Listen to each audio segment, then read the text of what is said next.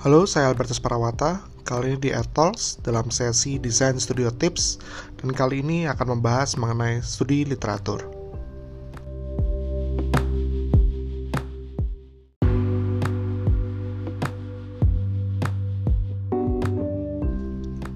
Dengan kemudahan untuk mengakses media-media yang ada saat ini, tentunya akan mempercepat mendapatkan data-data yang berkaitan dengan isu-isu desain yang terkait dalam penugasan studio perancangan arsitektur. Data-data tersebut akan sangat berguna untuk memberikan solusi-solusi yang dibutuhkan untuk menciptakan rancangan menyeluruh yang baik. Suatu karya rancangan oleh seorang arsitek yang telah terbangun dan terdokumentasikan dalam bentuk media cetak maupun elektronik akan sangat mudah didapatkan Karya-karya tersebut bisa kita pelajari dan dapatkan informasinya dengan cepat, dan dapat dijadikan referensi perancangan dalam proses studio perancangan arsitektur. Tidak hanya dengan referensi-referensi karya yang serupa fungsi dan konteksnya, data-data yang dibutuhkan untuk suatu penugasan juga akan lebih mudah dan cepat untuk didapatkan. Penuhilah diri Anda dengan referensi yang bisa didapatkan beserta data-data yang dibutuhkan, karena hal ini akan sangat membantu di tahap berikutnya.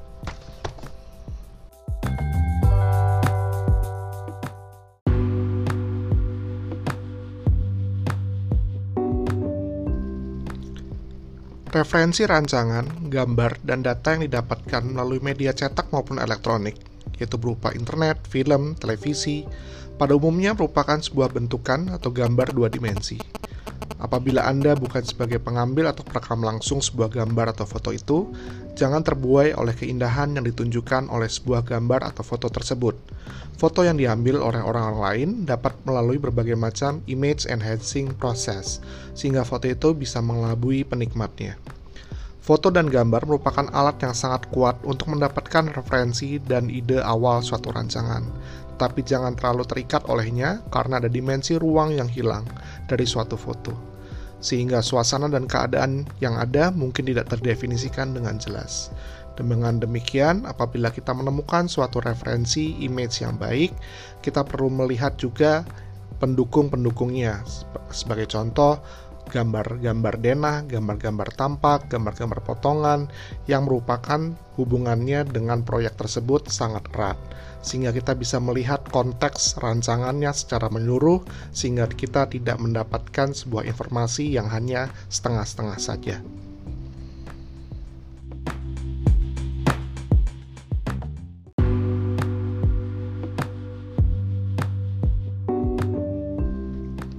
Sebagai seorang perancang, tentu dibutuhkan tidak hanya sekedar foto untuk menginspirasi dan memberikan ide-ide suatu rancangan, tetapi juga dengan proses mengalami atau mengalami ruangan itu tersendiri.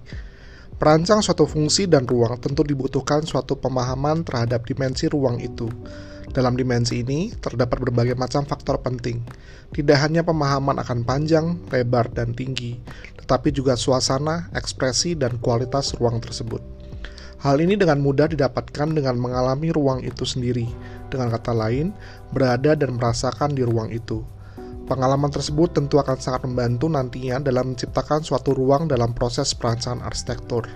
Kegiatan ini juga harus didukung dengan kegiatan merekam, mengambil foto, atau menggambar objek yang kita kunjungi. Dengan demikian, kita bisa memiliki catatan yang lengkap yang tentunya akan berguna untuk penugasan-penugasan atau proyek-proyek lainnya ke depannya.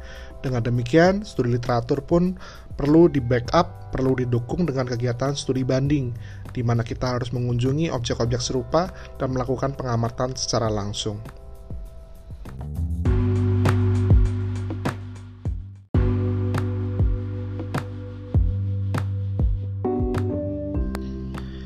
Itu tadi sesi desain studio tips terkait dengan studi literatur. Sampai jumpa lagi di sesi desain studio tips berikutnya.